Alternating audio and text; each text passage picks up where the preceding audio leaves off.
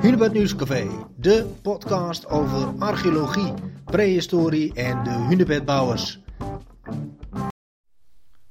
Vandaag spreek ik met onze gastconservator Hunebedden Memorabilia Sipke van der Zee over een bijzonder serviesstuk. Er staat een hunebed op uit appelscha.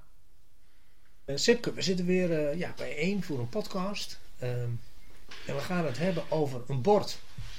Uh, nu heb jij wel meerdere servies artefacten in, in je collectie. en hier heb je ook wel eens een artikel over geschreven. Ja, want het is een uitzonderlijk bijzonder bordgeest. Dat is echt geweldig. Ik heb het gekregen van Wijnald van der Sander, de provinciaal archeoloog. Okay. En die zei ook al van nou, dit is echt uh, iets, uh, iets leuks voor je collectie. Mm -hmm. En dat klopt ook, want wat staat er op dit bord? Er staat, staan drie gestapelde stenen. Dus ja, als je stenen uh, ziet en je bent een hunebeddenverzamelaar, dan denk je al snel, nou het zal wel een hunebed zijn. Er staat dan ook boven op dat sierbord steengraf appelscha. Maar ja, dan gaan er natuurlijk belletjes rinkelen. Steengraf appelscha. Ja, dan ga je denken appelscha, appelscha, daar ligt helemaal niks. Juist, dat denk je inderdaad. Appelscha, daar is geen hunebed, dat kan helemaal niet. Hm. Hoe kan dat nou? Want dat ziet er allemaal heel officieel uit. En waarschijnlijk zijn er ook meer van die borden gemaakt natuurlijk. Het is echt een sierbord, hè? Ja, het is ja. een sierbord. Ja. Uh, ik kom zelf, ik ben geboren in Gouda. En het, ik, ik, ben het dus gaan uitzoeken. Op de achterkant uh, stond een uh, signatuur. Okay. En dat was WB. En dat bleek, of ja,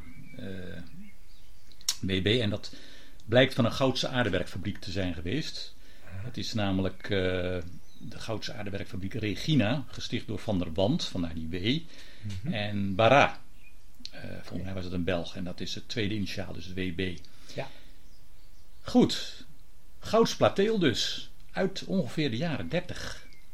Ja, en dan ga je je verdiepen in het onderwerp. Ja. Hoe komt dat nou? Een hunebed in de jaren 30 in Appelscha.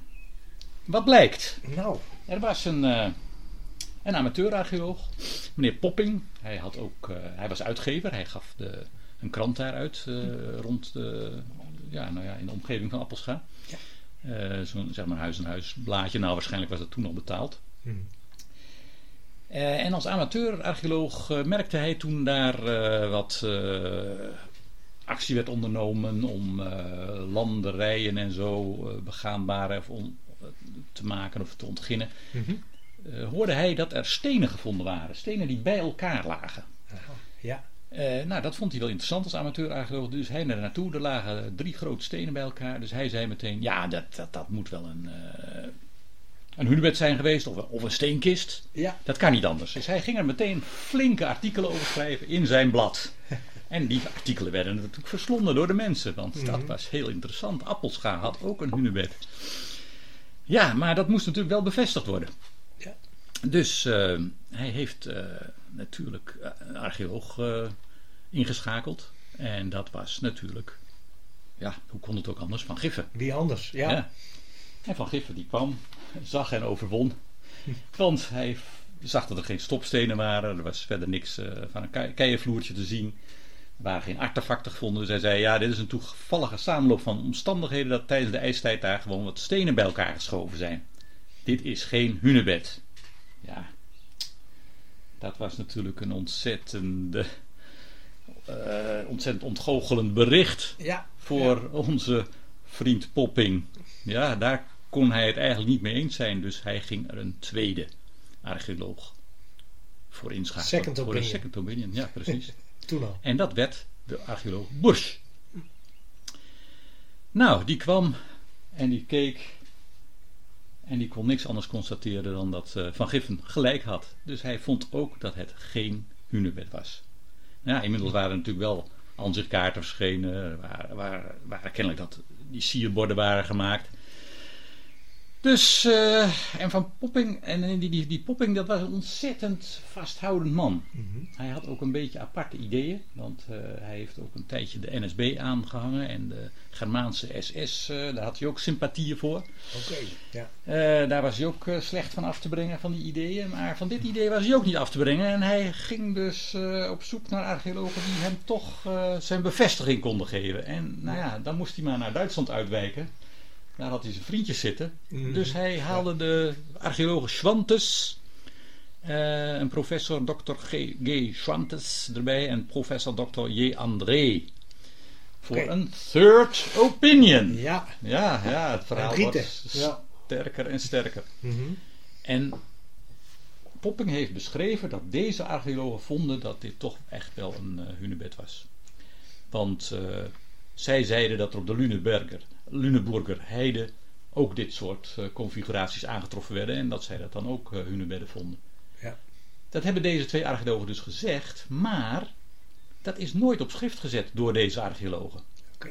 Dus volgens mij zat Popping een beetje uit zijn nek te praten. ja, Ja, ik ja. kan het niet De veranderen. nauw. Nee, Ja. Nee. het is gewoon zo. Eh, hij had zijn stokpaardje en hij moest en zou een hunebed in, hune, in eh, Appelscha hebben. Ja, en daar deed hij dus kennelijk heel veel voor. Ja.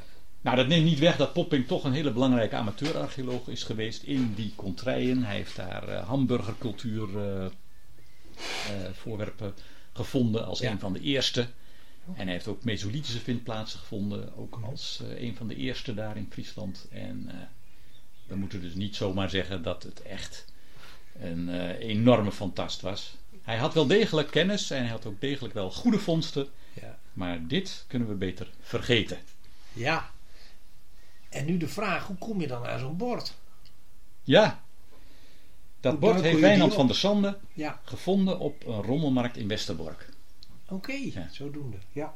Nou ja, Hm. hij, hij zag meteen eh, dat dat iets speciaals was en hij Ja. kocht het en hij moest aan mij denken met mijn collectie.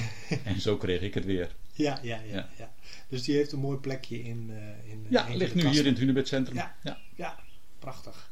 Heel mooi. Ehm, en ik denk dat die eh, Popping gewoon heel graag had gewild dat Appelscha een hunebed. eh, Tuurlijk, ja. ja.